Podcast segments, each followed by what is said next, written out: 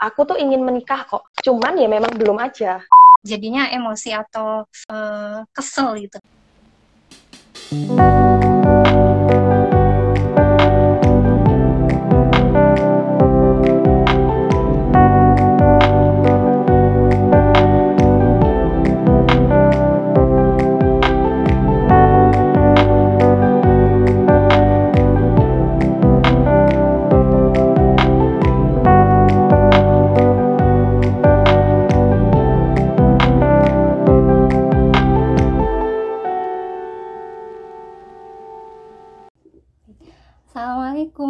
warahmatullahi wabarakatuh.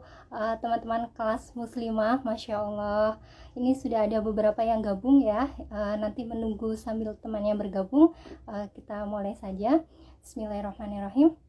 Uh, Gimana nih teman-teman? Puasanya masih semangat kan? Masih full puasanya?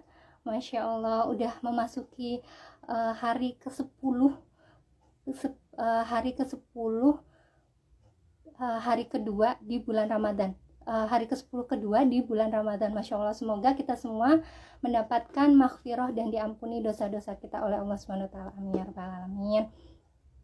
Baiklah uh, teman-teman uh, karena sudah ada beberapa yang bergabung, saya mulai Bismillahirrahmanirrahim Bismillahirrahmanirrahim Bismillahirrahmanirrahim Asyhadu an la ilaha illallah wa asyhadu anna Muhammadar Rasulullah Rabbi zidni ilma wa fahma amin ya rabbal alamin. Rasa syukur kita panjatkan kehadirat Allah Subhanahu wa taala karena uh, pada sore hari ini Masya Allah kita diberikan banyak banget kenikmatan nikmat iman, nikmat Islam, nikmat kesehatan, nikmat bisa ikut join live bareng di Free Talk Masya Allah semoga uh, kita semua uh, tetap semangat tidak mengurangi uh, keinginan kita untuk mencari ilmu dan semoga ini menjadi jalan ikhtiar kita untuk nanti Allah pantaskan kita masuk ke dalam golongan orang-orang yang bertakwa amin ya rabbal alamin salawat serta salam senantiasa kita curahkan kepada Nabi Agung Nabi Muhammad SAW kepada keluarganya, kepada sahabatnya, kepada pengikutnya dan semoga kita semua menjadi hamba Allah dan pengikut Rasulullah yang istiqomah hingga akhir nanti. Amin ya rabbal alamin. Perkenalkan teman-teman, nama saya Yuyun yang insya Allah akan menemani uh, sore hari Anda, masya Allah di Free Day Talk ini. Uh, free Day Free Day Talk ngobrol asik menunggu berbuka puasa Masya Allah. Sambil menunggu mungkin ada yang masih masak atau mencari takjil ya. Bisa sambil mendengarkan kajian pada sore hari ini Masya Allah. Baik uh, kalau hari ini Masya Allah udah tahu kan teman-teman temanya apa? Oke ini tuh temanya relate banget dalam kehidupan kita sehari-hari Masya Allah. Mungkin aku kali ya. Ini tuh kayak uh, pertanyaan yang kita tuh uh, bingung mau jawabnya dengan kata-kata. Allah pertanyaan yang memang uh, kita nggak bisa hindarin karena emang di lingkungan kita itu sering banget yang bertanya seperti itu ya. Jadi gimana sih kita uh, menghadapi pertanyaan-pertanyaan maut dalam tanda kutip sudah mempersiapkan diri belum dengan pertanyaan tersebut? Uh, harus kuat mental dengan pertanyaan tersebut ya. Pertanyaan kapan wisuda kapan nikah? Nah ini kapan punya momongan dan masih banyak lagi kapan kapan kapan. Tapi jangan sampai kapan mati jangan ya jangan ditanya itu ya. Oke baik. Uh, teman-teman kita awali free talk ini dengan uh, bacaan basmalah Bismillahirrahmanirrahim. Kita sempurnakan dengan uh, surat Al-Fatihah. A'udzubillahi minasyaitonirrajim. Bismillahirrahmanirrahim. Alhamdulillahirabbil Bismillahirrahmanirrahim. Maliki yaumiddin. Iyyaka na'budu wa iyyaka nasta'in. Ihdinas siratal mustaqim. Siratal ladzina an'amta 'alaihim ghairil maghdubi 'alaihim waladdallin. Amin. alamin. Semoga dengan uh, kita mengawali dengan mengingat Allah, semoga Allah memberikan keberkahan apalagi di hari Jumat pada sore hari di bulan Ramadan. Masya Allah di Masjid Taklim lagi. Semoga uh, benar-benar kita mendapat keberkahan dari Allah Subhanahu Wa Taala. Amin ya gimana teman-teman? Sudah penasaran banget belum dengan jawaban pertanyaan kapan? Oke kita panggil narasumber kita ya. Masya Allah ini uh, narasumber yang luar biasa sekali nih dari pakar uh, psikolog oke sebentar ya Assalamualaikum warahmatullahi wabarakatuh. Waalaikumsalam warahmatullahi wabarakatuh. Masya Allah. Ini saya panggilnya siapa ya, Mbak Sarita? Mm -mm. Mbak Mbak Sarita Baik. aja boleh. Masya Allah. Saya perkenalkan dulu ya Mbak Sarita. Bagaimana kabarnya Mbak? Sehat ya? Alhamdulillah. Alhamdulillah. Sehat. Mbak Yuyun? Baik. Alhamdulillah sehat. Mungkin yang nggak sehat uh, ini ya mental mungkin. Loh, nggak sama kalau kayak gitu ya. Baik. Uh, teman-teman perkenalkan dulu ini narasumber kita.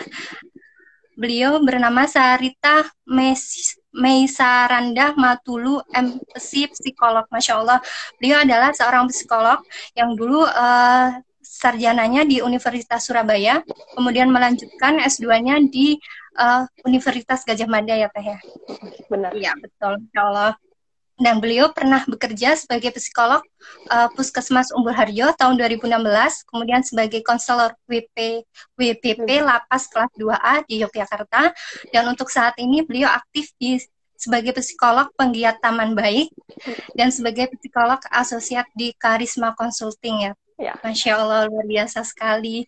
Jadi gini teh, uh, teman-teman tuh pada penasaran nih. dengan pertanyaan yang masya Allah. Uh, kalau bisa dibilang agak mungkin bisa dibilang privasi atau mungkin bikin emosi ya.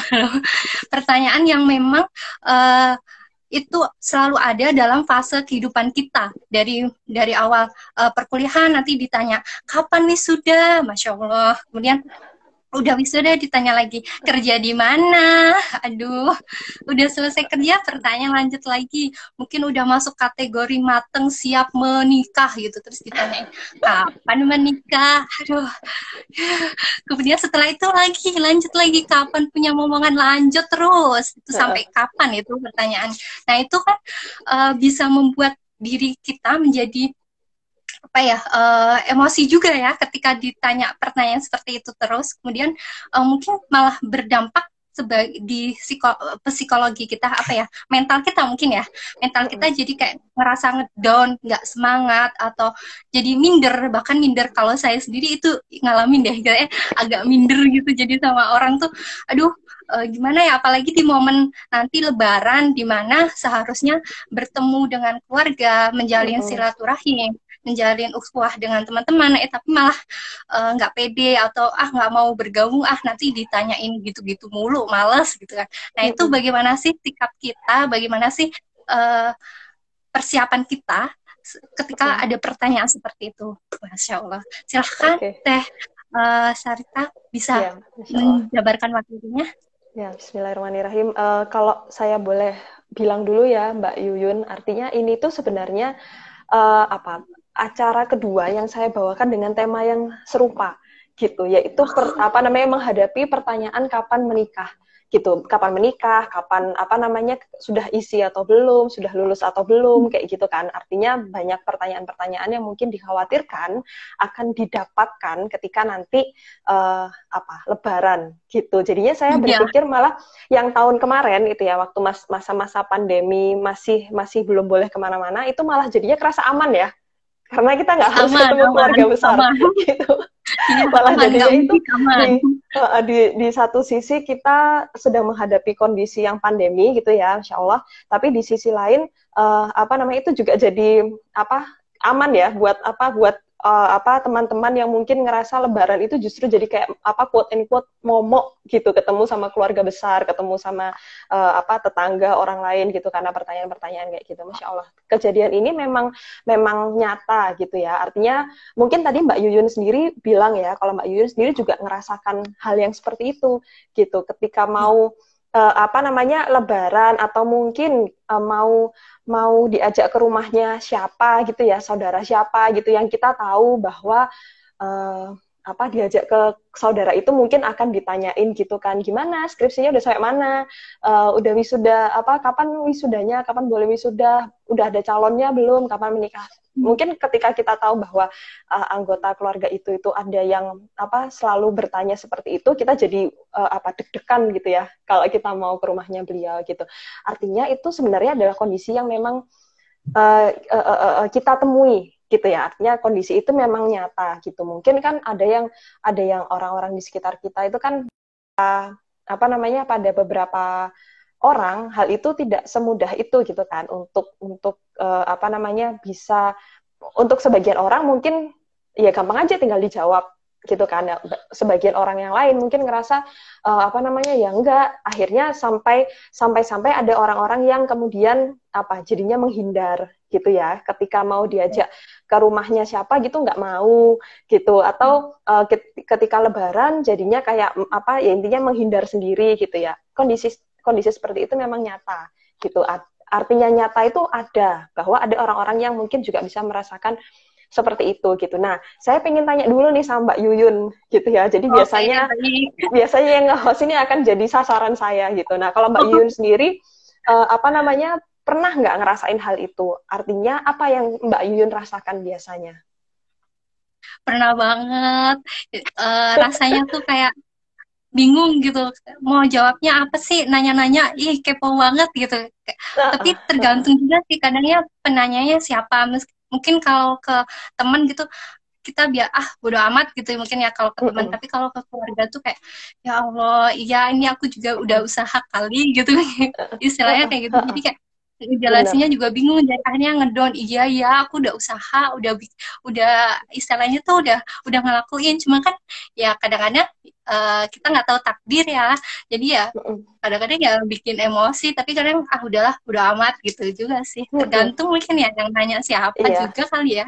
Nah itu menarik Mbak Yuyun. Artinya itu juga saya tanyakan ke teman saya gitu. Artinya ke teman-teman saya yang belum menikah gitu. Mereka itu sebenarnya kerasa kerasa oke okay nggak sih ketika ditanyain orang gitu? Mereka bilangnya kok tergantung ya? gitu. Tergantungnya itu bisa bisa kapan terus siapa yang nanya gitu. Nah, hmm. ini ini ini nanti mungkin insya Allah semoga itu bisa jadi salah satu bahasan kita ya, karena ada apa teman saya itu juga bercerita, artinya bukan hanya satu orang, teman-teman saya itu bilang kalau uh, tergantung nanyanya itu saya sedang dalam kondisi apa gitu. Dan yang kedua adalah siapa yang bertanya. Ketika yang bertanya itu ada ada yang apa namanya adalah orang-orang yang nggak nggak terlalu kenal itu justru nggak nggak nggak mengganggu kita gitu. Tapi kalau orang yang misalnya misalnya Mbak Yuyun sudah dekat sama saya gitu ya, kita sudah dekat, Mbak Yuyun tahu gimana gimana jatuh bangunnya saya itu uh, apa namanya buat buat menikah gitu ya. Eh Mbak Yuyun masih aja nanyain kamu kapan nikah. Nah, itu malah jadi lebih jengkel gitu. Tapi kalau iya. misalnya Mbak Yuyun itu nggak pernah deket, apa namanya kita ya sudah cuma sekedar sapa gitu terus nanya uh, apa namanya kapan kamu udah ada calon belum? Nah, itu saya malah justru nggak peduli gitu karena ah, ya udahlah cuma ditanyain ini jawab aja gitu. Nah ini jadi menarik Mbak Yuyun gimana gimana kondisi psikologisnya orang itu bisa berbeda ketika ya itu tadi sangat bergantung dengan siapa yang bertanya kapan gitu. Ini yang ini yang jadi menarik. Berarti kan yang perlu dipahami adalah apa nih yang sedang kita rasakan saat itu? Terus habis itu kapan pertanyaan itu ditanyakan? Kayak gitu. Nah, ini nanti akan jadi bahasan kita. Nah yang pertama justru saya mau ngajak dulu teman-teman buat kita itu memahami gitu. Karena saya itu sempat bertanya juga ke beberapa orang yang sering kali bertanya gitu. Kenapa sih kok bertanya hal yang seperti itu? Itu maksudnya motifnya apa? Dan ada beberapa jawaban dari beliau-beliau gitu. Di antaranya adalah ada yang mengatakan yaitu sebagai bahan sapaan aja gitu. Artinya artinya ya memang ini kita juga jadi kita ketika kita mau memahami sebuah kondisi, kita itu perlu melihat dua sisinya gitu. Jadi yang yang bertanya itu sebenarnya apa sih tujuannya dan kemudian nanti kita akan memahami dari sisi kita gitu nah ini kita memahami dulu dari sisi orang yang bertanya gitu kenapa sih orang-orang ini bertanya hal seperti itu dan di antaranya mereka menjawab bahwa itu hanya sekedar bahan sapaan gitu. Nah ini perlu kita perlu kita tampung dulu ya bahwa mereka merasa itu adalah sebuah bahan sapaan gitu. Yang kedua adalah mereka butuh bahan pembicaraan gitu. Nah ketika ketika sesuatu itu apa namanya ketika mungkin kita nggak terlalu dekat gitu ya ya sesuatu yang ditanya adalah ya hal yang seperti itu e, sekarang sekarang kerja di mana gitu sudah menikah belum sih gitu atau apa namanya e, paus kita sudah menikah terus loh uh, sekarang sudah isi belum? Nah itu adalah hal-hal yang ditanyakan sebagai bahan pembicaraan gitu. Kita tampung dulu aja apa yang apa yang membuat seseorang itu bertanya gitu kan. Terus yang selanjutnya adalah value value soal berkeluarga atau menikah atau fase-fase kehidupan yang lain sehingga beranggapan bahwa usia sekitar itu seharusnya sudah menikah sudah lulus sudah punya anak gitu. Jadi artinya ya memang di masyarakat kita ini ada tatanan di mana orang seusia ini gitu ya, misalnya seusia Mbak Yuyun gitu, seharusnya memang sudah menikah gitu. Paham ya maksudnya? Jadi artinya adalah ada value yang yang tatanannya seperti itu. Kalau sudah lulus ya berarti jenjang selanjutnya adalah menikah gitu. Nanti kalau sudah menikah berarti yang ditanyakan adalah sudah punya anak belum? Sudah punya anak satu, kapan anak kedua? Kayak gitu. Jadi artinya ada ada value tentang berkeluarga itu semestinya kapan dan uh, dan apa gitu uh, apa namanya uh, tatanan selanjutnya gitu. Makanya kita perlu memahami bahwa value di masyarakat kita ini juga seperti itu gitu. Makanya ketika udah usia tertentu mungkin apa bisa jadi patokannya adalah pernikahan. Maka kalau misalnya kita dilihat belum lulus jadi yang ditanyakan adalah kapan lulus gitu. Ini kan sudah waktunya.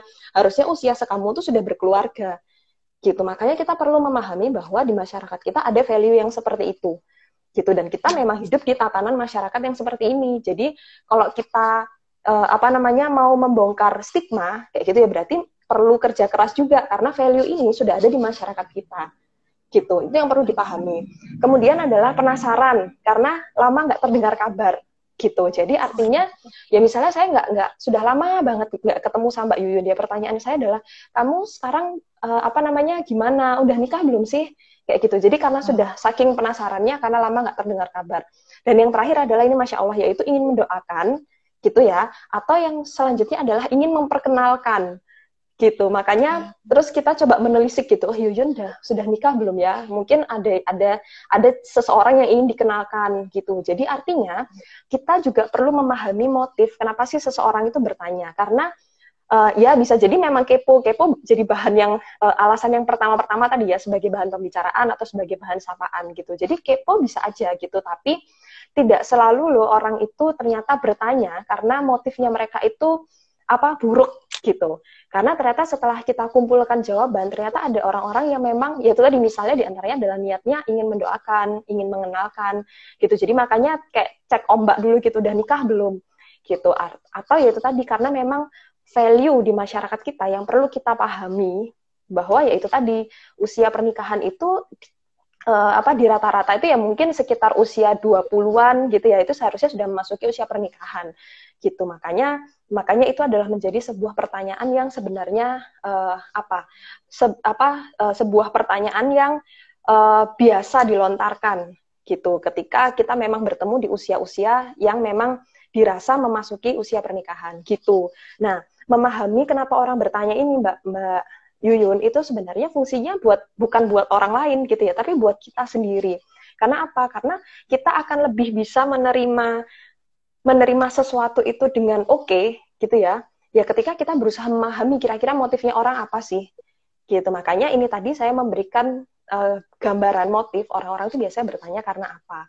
Gitu supaya kita juga uh, supaya kita nggak cuma satu satu apa ya, satu frame persepsi gitu bahwa oh orang bertanya tuh pasti kepo, pasti niatnya pengen ini deh. Maksud maksudnya ni niatnya udah nggak oke karena ternyata tadi waktu kita bahas ternyata banyak ya motif orang bertanya gitu. Itu jadi artinya kita perlu memahami kenapa sih orang itu bertanya.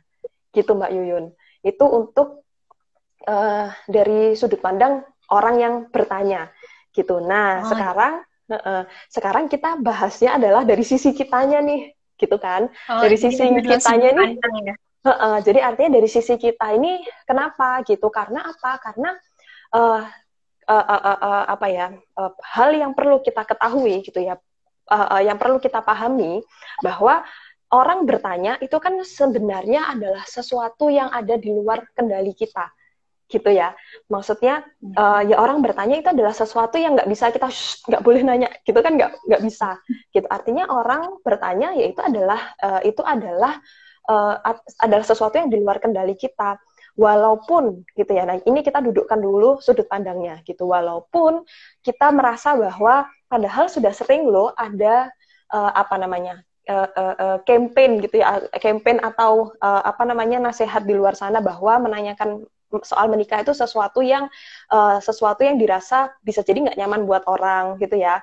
Jadi makanya bertanya kapan nikah, pu sudah punya anak belum itu adalah sesuatu yang uh, apa namanya se sebaiknya tidak ditanyakan gitu. Kan padahal sudah sudah ada hal-hal seperti itu yang digaungkan di masyarakat, tapi kok orang-orang masih aja bertanya. Nah, ini tadi itu ya tetap sesuatu yang ada di luar kendali kita gitu karena ya belum tentu orang-orang itu bisa menerima uh, menerima uh, masukan yang seperti itu bahwa bertanya seperti uh, uh, bertanya tentang pernikahan itu adalah sesuatu yang privacy karena motifnya berbeda seperti yang saya bilang tadi kan ketika itu memang value yang sudah sudah paten gitu ya di masyarakat kemudian kita mau merubahnya yaitu agak sulit gitu. Nah, jadi ya apa ketika sesuatu itu ada di luar kendali kita, maka yang perlu kita maka yang perlu kita usahakan untuk berusaha dikendalikan adalah siapa? Ya diri kita sendiri gitu. Karena karena ya memang itu tadi kita nggak bisa mengendalikan orang itu akan bertanya apa gitu ya mau mau bilang apa gitu. Maka yang berusaha kita kendalikan adalah diri kita sendiri. Nah sekarang gini pertanyaannya adalah ketika uh, apa namanya kita sadar bahwa kita nggak bisa mengendalikan orang lain gitu ya tapi uh, apa namanya kita itu tahu bahwa apa aku tuh ingin menikah kok gitu kan. Cuman ya memang belum aja gitu belum ada calonnya. Atau mungkin kita memang uh, berikrar pengen misalnya aku pengen lulus dulu gitu. Aku pengen lulus dulu baru aku akan menikah gitu. Kan value-nya orang beda-beda gitu ya. Apa pun jadi kan intinya ketika kita paham apa yang menjadi sudut pandang kita seharusnya kan oke okay, gitu ya. Tapi kan uh, apa namanya tapi kan ternyata ada fas, uh, uh, ada ada kondisi di mana uh, kadang kita nggak nyaman gitu kan. Pengennya menghindar pengennya seperti yang saya sebutkan di awal tadi. Pengennya menghindar pengennya nggak uh, ketemu orang-orang itu gitu. Bahkan ada di satu kondisi yang sampai ketika lebaran akhirnya nggak mau ikut gitu ya. Nggak mau apa namanya nggak mau turun nggak uh, mau keluar dari kamar gitu. Karena karena tidak mau uh, di, diberikan pertanyaan-pertanyaan kayak gitu. Nah, sebenarnya yang perlu dipertanyakan kan ada apa?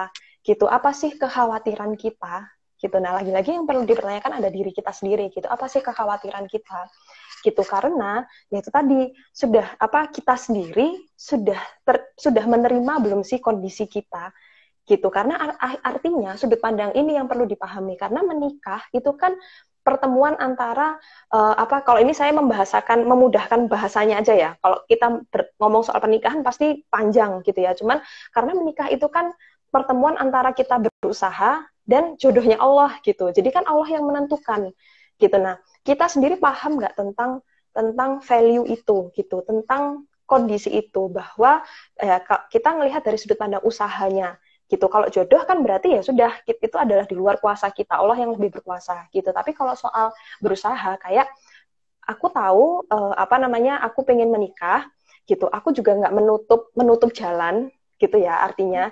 Aku juga nggak menutup apa namanya, aku juga nggak menutup apa uh, apa sih bahasanya? Aku juga nggak menutup pintu pergaulan gitu ya. Maksudnya bukan kemudian kita bergaul bebas enggak, tapi artinya kita juga nggak menutup diri kok gitu. Terus habis itu kita juga uh, apa namanya mungkin ada beberapa dari teman-teman apa uh, teman-teman ahwat kita yang mungkin juga sudah mulai bertukar CV gitu ya. Artinya kita sadar bahwa kita berusaha kok gitu, tapi ya memang belum gitu. Nah, kondisi yang belum ini apakah kita sendiri sudah memahaminya gitu? Apakah kita sendiri sudah uh, sudah menerimanya bahwa yang namanya menikah itu ya memang benar-benar karena uh, apa namanya? karena Allah yang juga menentukan gitu. Artinya gini, kalau misalnya kita belum belum benar-benar menerima hal itu gitu kan ya jadinya akhirnya ketika orang bertanya kita juga juga akan terbawa ke mana-mana gitu maksudnya adalah uh, apa namanya uh, apa misalnya kayak uh, uh, um, ada nih yang waktu itu cerita bahwa ketika orang bertanya itu kemudian dia jadi merasa bahwa iya ya di keluarga aku tuh kok aku aku sendiri yang belum menikah gitu uh, kok kelihatannya aku sendiri yang apa dalam tanda kutip belum laku gitu. Nah, sudut pandang itu kan yang sebenarnya perlu kita perbaiki di diri kita sendiri bahwa menikah itu bukan tentang siapa yang duluan gitu. Bahwa menikah itu bukan tentang uh, apa namanya? bukan tentang siapa uh, apa namanya? Uh, kejar-kejaran gitu kan, bukan tentang uh, apa namanya? saya sudah sudah uh, sudah mau sudah mau memasuki usia berapa kayak gitu ya. Itu maka kita perlu memahami ketika kita sendiri nggak pernah menutup menutup diri gitu ya. Artinya kita kita paham kok gitu tentang value kita tentang uh, tentang kondisi kita dan bahwa kita paham kalau menikah itu bukan uh, apa namanya di sisi lain juga uh, di sisi sisi yang utamanya adalah itu adalah uh, apa namanya waktunya Allah gitu ya. Maka kita akan kita akan juga pasti paham kenapa sih oke okay, aku belum menikah karena ya memang aku belum ketemu jodohnya gitu. Bukan berarti kayak oh aku aku nggak mau menikah makanya aku menunda-nunda. Oh karena uh, apa kalau bahasa biasanya itu karena standarnya terlalu tinggi gitu. Makanya kemudian dibilang belum menikah menikah juga gitu. Ya enggak maka apa? Maka ya ketika kita nggak bisa mengendalikan omongan orang lain kita yang perlu mengendalikan sudut pandang kita. Bahwa aku belum menikah karena ya memang belum gitu ya dan uh, apa namanya dan aku juga nggak nggak pernah berusaha nggak berusaha menghalang-halangi kok siapa aja yang datang gitu. Tapi memang ada kriteria-kriteria yang aku pilih gitu. Nah itu kan itu kan kita yang punya value gitu ya. Kita kan nggak bisa kemudian menjelaskan ke semua orang gitu bahwa uh, apa namanya oh aku tuh belum menikah karena ini loh bu A B C D E F G gitu. Kita kita jelasin gitu. Kan nggak semua orang uh, apa namanya bisa kita jelaskan seperti itu. Kadang-kadang ketika ada orang bertanya, kita hanya sesederhana menjawab, "Oh iya, Bu, belum, doain aja." gitu. Nah, jadi kan yang perlu kita pahami adalah bagaimana kemudian kita menangkap gitu ya. Kita menangkap persepsi yang pertama tadi saya jelaskan orang ini mungkin bertanya karena motifnya apa ya gitu. Karena motif orang lain bisa jadi banyak gitu. Kemudian yang kedua adalah kita sendiri menyadari bahwa uh, value kita bahwa oke okay, aku belum aku belum nikah, aku ingin menikah, tapi belum, tapi memang belum aja, gitu ya.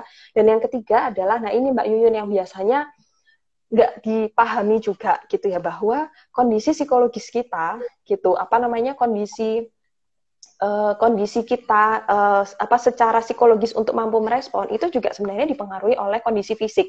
Maksudnya gimana? Jadi ya bisa jadi juga karena kondisi kita sedang kelelahan. Kelelahan itu dalam arti apa? Gitu. Misalnya nih, uh, kita sudah kita kayak misalnya waktu lebaran itu kan biasanya kita akan berkunjung ke rumah-rumah gitu ya. Berkunjung ke rumahnya ini berkunjung ke rumah ini gitu.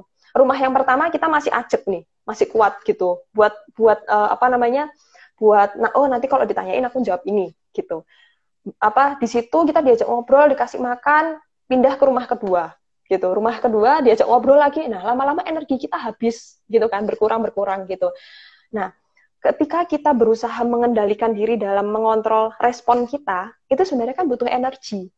Gitu. Nah, kadang-kadang energi kita tuh bisa juga habis ketika di perjalanan. Maka maka itu yang itu yang sering kali terlupa bahwa ketika kita mau berusaha mengendalikan energi, uh, sorry, mengendalikan respon kita untuk menjawab, itu kita sebenarnya juga butuh energi untuk me, untuk apa? Untuk menata pikiran kita, untuk kemudian kita berpikir bahwa oh aku ini harus harus jawab apa ya, gitu. Nah itu yang perlu dipahami. Jadi kalau kalau uh, apa namanya saya saya menjelaskan soal ini artinya gini berarti ketika kita mau berarti ketika kita mau pindah gitu ya atau besok kita mau apa besok kita mau lebaran nih gitu berarti ya malam ini kita memang perlu menyiapkan diri gitu. Jadi bukan hanya sekedar uh, untuk untuk kita yang sadar bahwa oh kita sensitif loh sama pertanyaan seperti itu, maka ya di malam harinya ini kita memang perlu menyiapkan diri bahwa oke, okay, besok aku akan mungkin dapat pertanyaan seperti itu. Gitu ya. Jadi apa nih yang harus aku sadari gitu. Aku menyadari bahwa aku belum menikah karena apa? Gitu. Bukan karena aku nggak mau loh, bukan karena kriteria aku terlalu muluk-muluk gitu. Nah itu kita pahamkan ke diri kita sendiri gitu, supaya nanti ketika ada orang yang uh, apa misalnya ngomong gitu kan, kenapa belum nikah? Wah kamu pilih-pilih gitu. Ya enggak, itu kita jawab di pikiran kita sendiri bahwa enggak gitu. Aku nggak milih-milih dan karena memang belum gitu. Itu Allah yang menentukan kapan aku menikah dan aku memang belum aja. Itu tadi yang saya bilang bahwa aku uh, apa namanya nggak menutup nggak menutup jalan, aku nggak menutup uh, apa namanya nggak menutup kemungkinan kayak gitu. Nah itu kita pahamkan ke diri kita gitu bahwa aku belum menikah karena alasan seperti ini gitu. Ketika kita memang sadar bahwa kita sensitif dengan pertanyaan itu, maka kita perlu mempersiapkan diri kita lebih gitu daripada sekedar misalnya siap-siap besok mau sholat id gitu ya, terus bakalan ketemu siapa gitu. Nah itu kan bisa jadi di sholat id itu sendiri kita akan bertemu dengan orang-orang gitu kan. Nah itu kita apa untuk teman-teman yang merasa sensitif dengan pertanyaan semacam ini, maka ya memang perlu menyiapkan diri gitu. Bahkan itu tadi ketika kita sadar uh, ketika kita tahu bahwa untuk men mengendalikan respon itu butuh energi, maka ketika berpindah dari rumah satu ke rumah lainnya itu pun perlu untuk mempersiapkan mental lagi gitu. Bahwa oke okay, nanti kita kalau ke rumah ini mungkin akan ditanyain gitu. Maka aku harus mempersiapkan diri lagi gitu. Jadi pada intinya mbak uh, Mbak Yuyun bahwa ya lagi-lagi itu kembali ke pernyataan yang di awal tadi bahwa kita susah loh kalau kita mau berusaha menutup apa berusaha menutup atau selalu komplain dengan kenapa sih orang itu tanya? Kenapa sih orang itu gitu? Kan kita akhirnya apa sudut pandang kita keluar gitu. Kita memilih untuk mengontrol apa yang sebenarnya ya nggak selalu bisa kita kontrol gitu. Pertanyaan orang sesuatu yang terjadi di luar diri kita gitu dan itu malah melelahkan gitu maka yang perlu untuk kita jawab kita, yang perlu kita tekankan atau yang perlu kita sadarkan itu ya diri kita sendiri gitu. Maka ketika kita sudah sadar dengan semua kondisi kita, kita kita paham bahwa kenapa sih aku belum menikah gitu ya. Ket, apa uh, maka uh, apa? Ketika kita mampu untuk mengendalikan bagaimana kita berpersepsi gitu, maka respon kita nantinya insya Allah akan lebih lebih enak gitu. Bisa jadi apa respon kita ya apa belum ya bude gitu mau doain atau mungkin kita iseng gitu belum ya bude gitu ada calon po gitu. Artinya kan kita hmm. akan lebih ringan untuk menjawab sebenarnya gitu. Jadi artinya respon-respon yang kita berikan adalah respon-respon hasil dari ketika kita sudah mampu untuk mengendalikan apa persepsi kita tentang kenapa sih orang ini nanya gitu. Apa sih sebenarnya motifnya orang ini nanya gitu. Kok orang ini kepo gitu. Nah, seperti yang sudah dijelaskan di awal bahwa di awal sekali tadi kita perlu memahami tentang eh bahwa motif orang bertanya itu banyak gitu. Jadi nggak selalu nggak selalu sesuatu yang niatnya buruk gitu. Nah, uh, apa namanya sebelum sebelum saya mengakhiri uh, penjelasan ini, saya ingin men men mengaitkan dengan judulnya gitu ya, judul acaranya.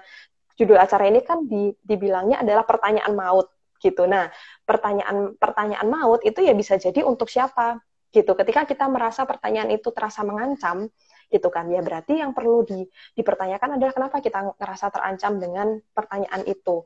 Gitu. Kenapa kita uh, apakah itu salah? Bukan. Bukan salah. Artinya adalah berarti yang perlu disadarkan untuk uh, apa sih yang sebenarnya aku khawatirkan? Gitu. Apa sih yang sebenarnya merasa ter, ya lagi-lagi apa sih yang sebenarnya terasa terancam dari diriku ketika aku ditanyai seperti itu? Apakah aku merasa merasa sedang disudutkan merasa sedang dipojokkan? Gitu. Nah maka kan lagi-lagi yang yang perlu diubah adalah persepsi kita mindset kita. Ketika kita tahu bahwa menikah itu bukan sesuatu yang uh, apa namanya ter, apa bisa dilakukan secara terburu-buru tanpa perencanaan gitu ya.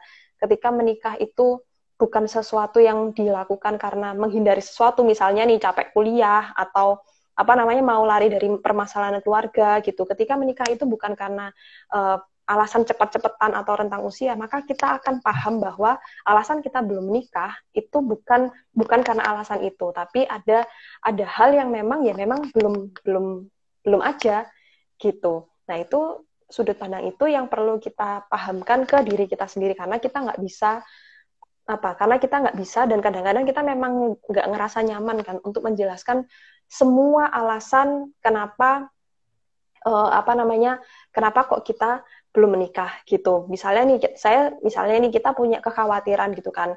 Kekhawatiran soal pernikahan gitu. Nah, ketika kita tahu bahwa kita sedang apa berusaha mengatasi itu itu kan bagian dari usaha gitu ya. Kan nggak setiap orang bisa kita ceritakan bahwa oh aku nih punya kekhawatiran nih soal pernikahan gitu ya. Aku takut kalau bla bla bla kan nggak semua orang bisa kita ceritakan seperti itu. Gitu. Jadi yang perlu memahami hal itu siapa ya diri kita sendiri bahwa aku sedang berusaha apa misalnya memulihkan diriku dari kekhawatiran akan pernikahan gitu dan aku paham bahwa pernikahan itu bukan sesuatu yang kuatur sendiri gitu. Karena itu tadi ya pernikahan adalah pertemuan e, secara singkat saya jelaskan tadi pertemuan itu kayak e, pertemuan itu e, eh, pernikahan itu adalah pertemuan antara usaha kita dan juga jodohnya Allah. Nah jodohnya Allah ini kan lebih besar gitu ya pengaruhnya. Apakah Allah memang sudah menentukan saat itu kita e, apa kapan gitu ya Allah menentukan saat kita menikah gitu? Allah alam Masya Allah luar biasa sekali nih teh.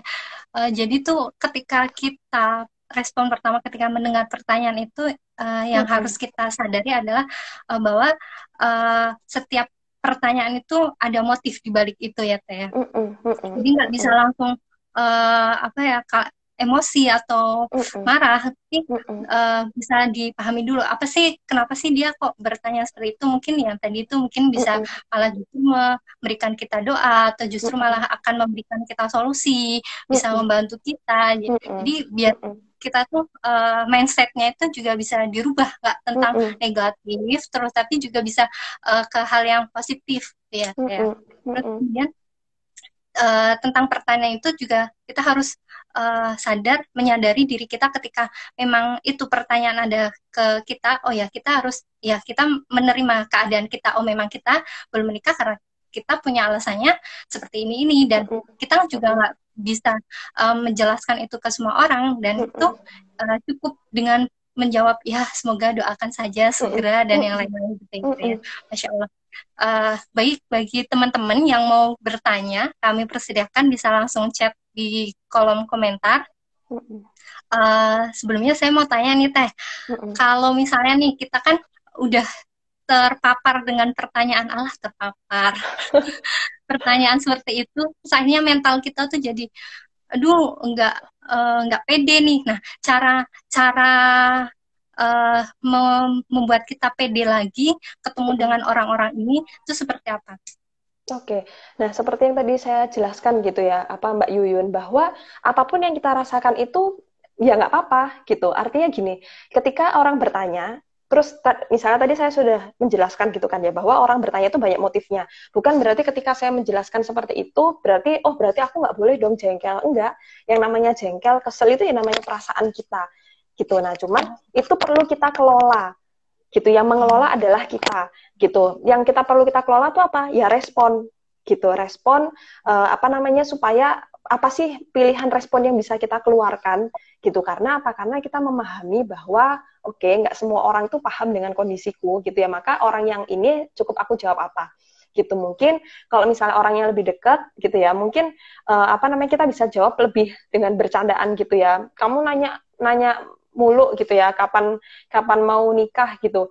Uh, apa cariin deh jodohnya misalnya kayak gitu. Kan apa respon itu banyak sekali gitu. Intinya pilihan respon gitu. Jadi artinya yang ingin saya tekankan bahwa apa yang saya jelaskan tadi ini bukan berarti kemudian kita nggak boleh ngerasa kesel gitu ya. Nggak boleh ngerasa kesel nggak boleh ngerasa nggak suka ya nggak apa-apa. Itu adalah apa yang kita rasakan. Tapi pilihan respon yang keluar itu adalah sudah berdasarkan apa yang kita kelola di mindset kita.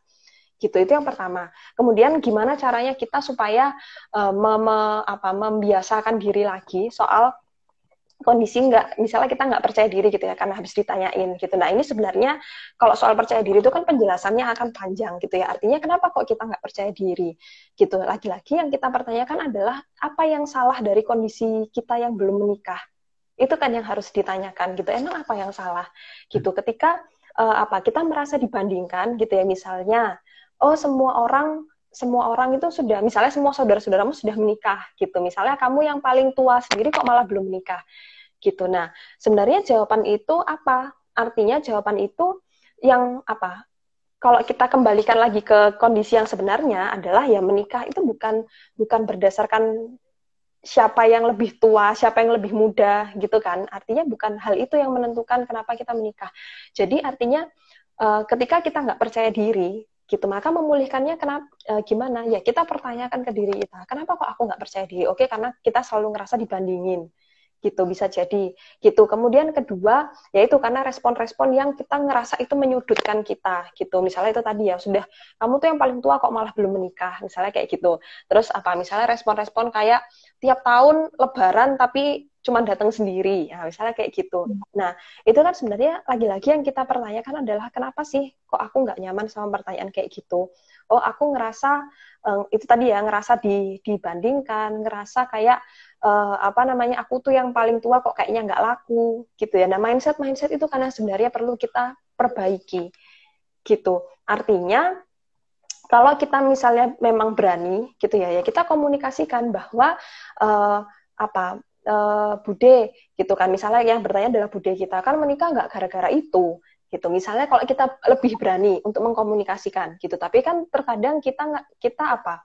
Kita terkungkung oleh uh, apa? Value bahwa oh ya kalau sama orang tua itu nggak boleh jawab gitu ya. Padahal menjawab itu dalam arti bukan untuk melawan gitu kan. Cuman untuk menjelaskan sudut pandang kita bahwa bude kan menikah bukan gara-gara itu gitu. Aku kan belum menikah karena memang belum belum ada yang nyaman aja misalnya kayak gitu itu yang pertama kita bisa mengkomunikasikan sebenarnya kalau kita nggak bersedia untuk mengkomunikasikan, ya berarti pilihan kedua adalah kita apa? Kita dealing sama diri kita sendiri gitu. Kalau misalnya kita nggak berani untuk menyampaikan apa yang kita suarakan di kepala, gitu ya, berarti yang perlu diajak dealing adalah diri kita sendiri, gitu tentang value itu tadi bahwa menikah bukan karena usia, menikah bukan karena siapa yang lebih muda, siapa yang lebih tua maka seharusnya menikah, gitu. Terus yang selanjutnya adalah kita nggak karena itu tadi, karena kita punya permasalahan-permasalahan gitu ya yang mungkin kita perlu untuk menyelesaikan dengan diri kita sendiri dulu juga tentang kekhawatiran kita soal pernikahan. Karena kan kondisi setiap orang berbeda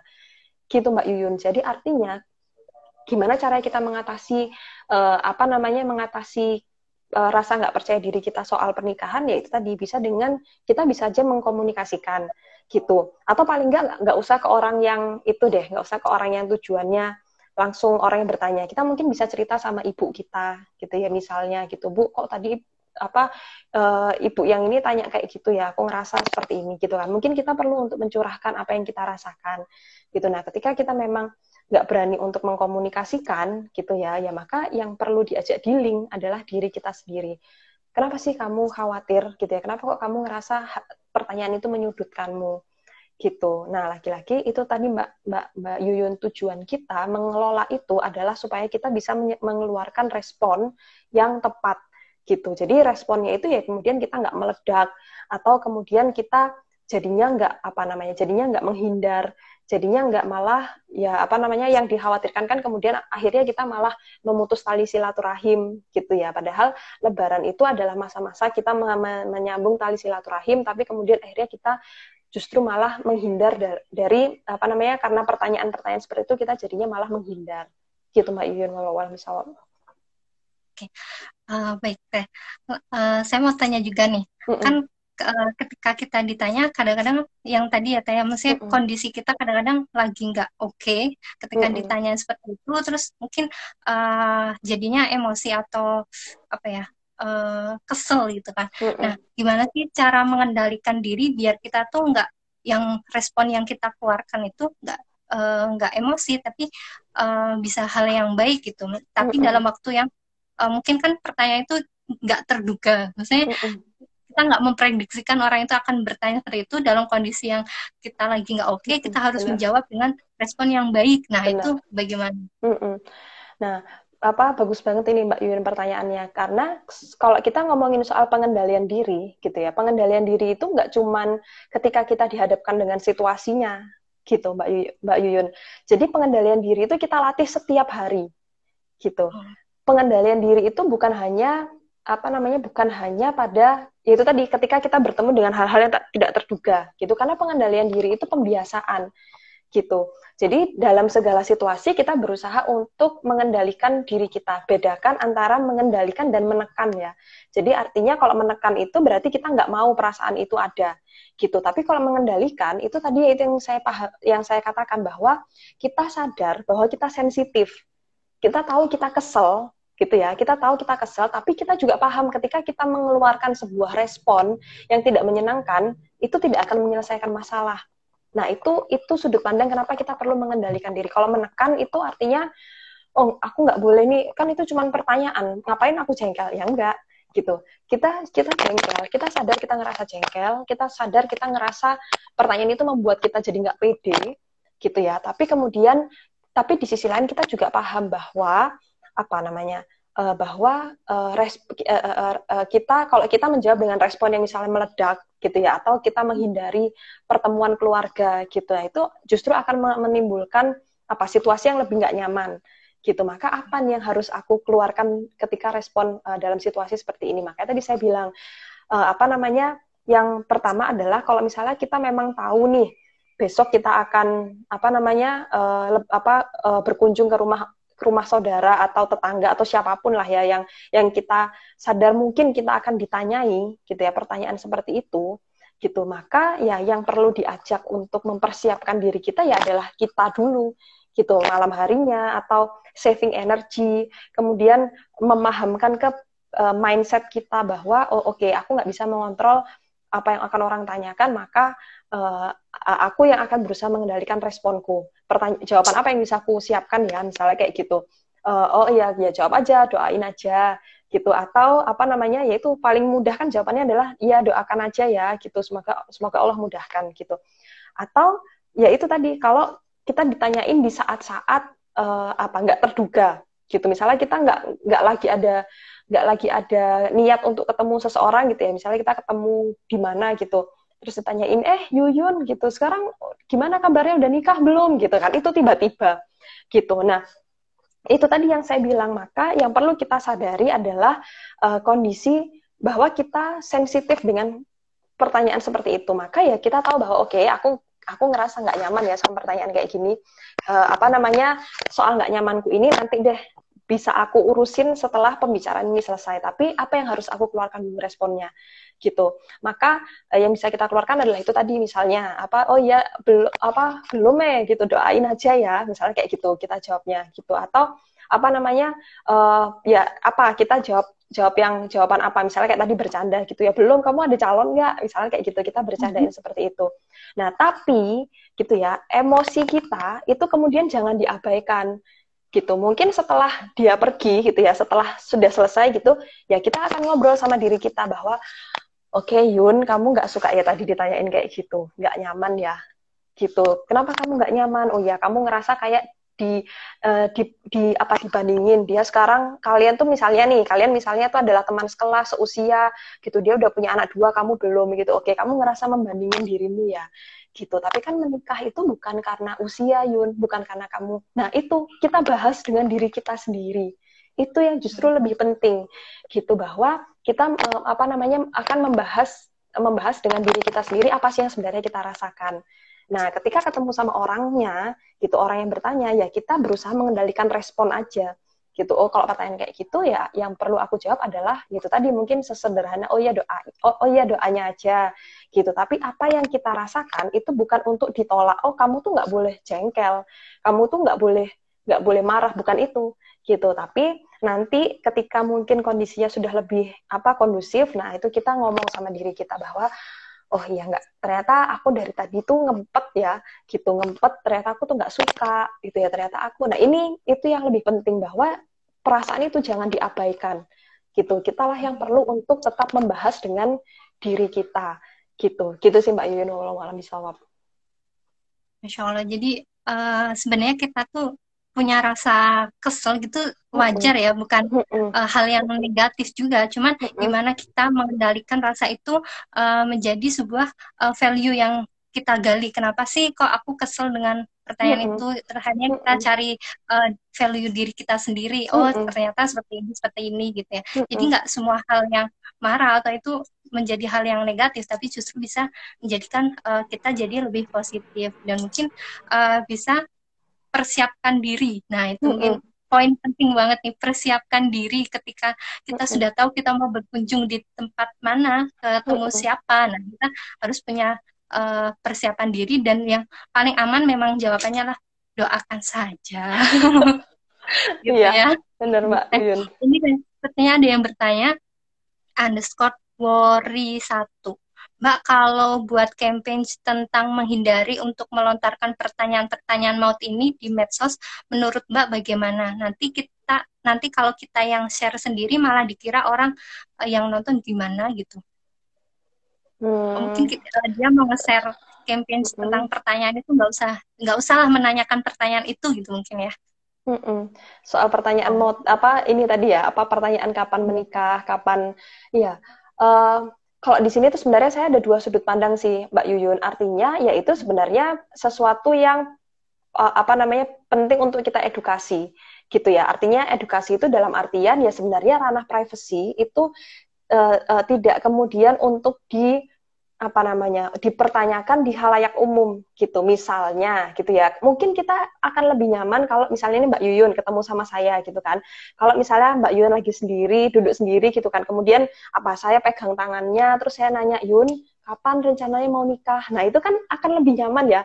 Beda kan kalau misalnya lagi apa kumpul keluarga besar terus tiba-tiba wah Yuyun ini loh belum nikah nikah nah itu kan akan beda ya. gitu kan kesannya gitu kan. Karena itu dihadapkan semua orang gitu. Maka apa itu juga perlu kita edukasi tentang bahwa kalau menanyakan hal privacy itu ya di ranah privacy juga gitu. Hmm. Jadi bahwa uh, apa namanya karena kalau misalnya uh, apa namanya karena kalau ya itu karena kalau itu hal yang privacy ya mungkin orang akan merasa itu sesuatu yang uh, apa itu sesuatu yang kusimpan rapat alasannya hanya aku yang tahu ya itu nggak akan aku umbar-umbar gitu kan bagi sebagian orang maka bertanyalah dengan ranah yang privacy privacy juga. Nah tapi sudut pandang yang kedua adalah jangan sampai uh, uh, uh, apa bentuk-bentuk pertanyaan ini tuh malah jadinya kayak merusak silaturahim gitu. Karena apa? Karena kalau kita ngelihat di di masyarakat kita sekarang itu jadinya kayak pertanyaan ini tuh jadi jadi seperti me, me, me, apa membuat kekhawatiran kita untuk ketemu sama orang gitu. Uh, jadi gini artinya adalah kalau semak apa namanya lagi-lagi sudut pandangnya adalah itu tadi bahwa kita tuh sebenarnya nggak bisa mengendalikan pikirannya orang gitu kan artinya kita edukasi perlu bahwa menanyakan hal yang privacy lebih baik di ranah yang privacy juga gitu. Uh, tapi bukan untuk kemudian melarang bahwa kalau sama orang tuh jangan nanya kapan nikah, jangan nanya sudah punya anak belum, jangan nanya gitu. Karena apa? Karena itu akan jadi semakin me, apa mem, membatasi apa sih bentuk bentuk kita untuk apa? Misalnya nih ada orang-orang yang tadi tujuannya adalah kemudian memang ingin mendoakan gitu atau mungkin cek ombak kayak mau sebenarnya mau me, me, me, me, mengenalkan dengan siapa gitu karena karena kemudian di masyarakat kita semakin sensitif dengan pertanyaan seperti ini nah hal itu jadi lebih membuat apa? Jadi yang membuat kita menghindari dan nggak mau gitu ya. Kan kalau menolak itu kan khawatirnya ketika kita menolak sesuatu itu kan khawatirnya itu akan lebih membuat kita itu nggak suka gitu ya dengan pertanyaan-pertanyaan model kayak gitu. Yang bagian ini semoga bisa dipahami ya. Jadi artinya menurut saya uh, mengedukasi itu boleh gitu. Tapi mengedukasinya itu bukan berarti kemudian melarang nggak boleh nanya ini nggak boleh nanya ini nggak boleh nanya ini gitu. Tapi lebih baik diedukasi bahwa hal-hal yang privacy itu bisa jadi ditanyakannya adalah di ranah privacy juga gitu. Artinya bukan bukan apa memperhatikan juga sedang ada siapa di situ orang itu kira-kira kalau diangkat ranah privasinya malu apa enggak gitu. Nah, ini penting gitu ya untuk yang bertanya juga semoga ini sudut pandangnya bisa diterima gitu. Tapi kalau untuk kemudian kita melarang gitu ya, melarang uh, pertanyaan-pertanyaan model kayak gitu, saya rasa gini, khawatirnya itu itu akan lebih menyakiti kita ketika ternyata masih ada masih ada aja orang yang bertanya gitu. Karena itu tadi yang saya bilang karena itu bagian dari value masyarakat kita. Gitu. Bahwa usia usia yang tadi saya jelaskan di awal sekali ya bahwa di usia usia tertentu itu memang ada orang-orang yang berpikiran seharusnya di usia itu seseorang tuh sudah menikah. Gitu. Nah ketika kita ingin membuat apa edukasi yang baru berarti kan kita merombak sebuah value yang sudah lama mengakar gitu di masyarakat kita.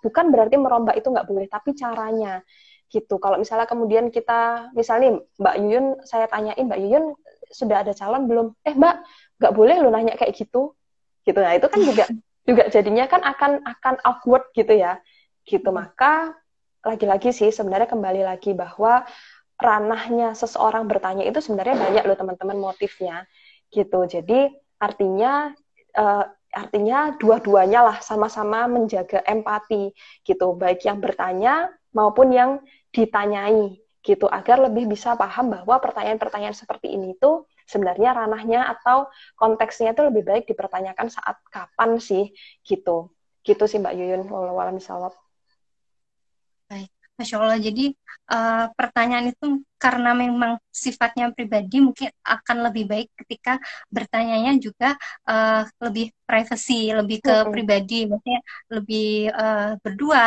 kayak gitu, mm -hmm. nggak perlu diumbar ke publik gitu ya. Dan ini masya Allah aku baru sadar katanya uh, perlu empati dari kedua belah pihak. Mungkin kayak ngerasa selama ini uh, kita bukan kita mungkin saya atau ya um, mikirnya ih kok uh, merasa paling terzolimi gitu dengan pertanyaan itu gitu kan.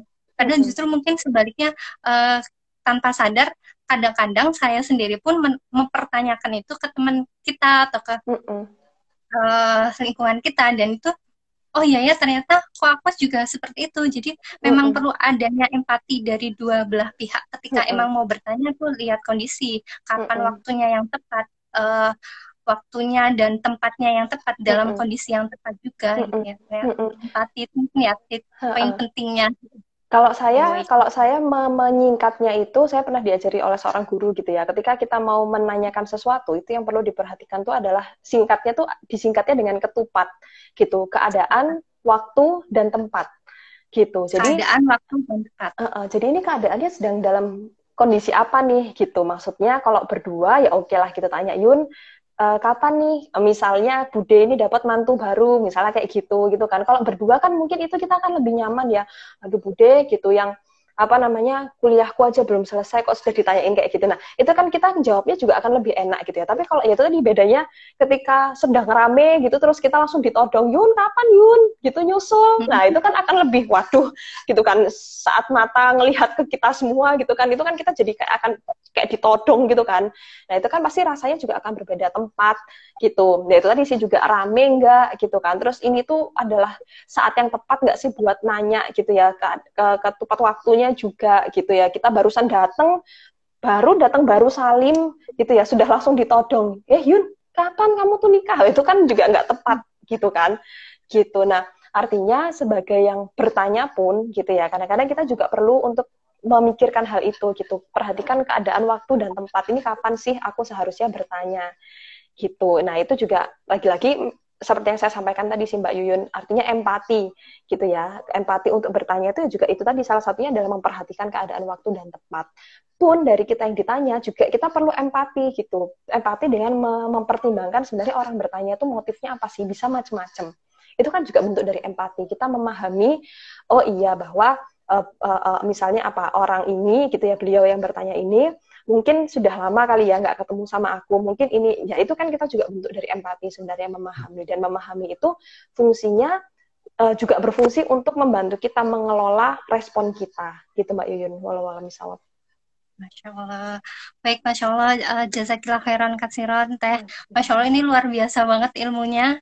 Yang mungkin tadinya negatif thinking mulu, sekarang bisa bergeser ke, uh, oke, okay, ternyata memang uh, yang kita rasakan itu nggak semuanya negatif, tapi ada di balik semua itu ada yang hal yang positif yang bisa membuat kita jadi lebih positif lagi, masya Allah.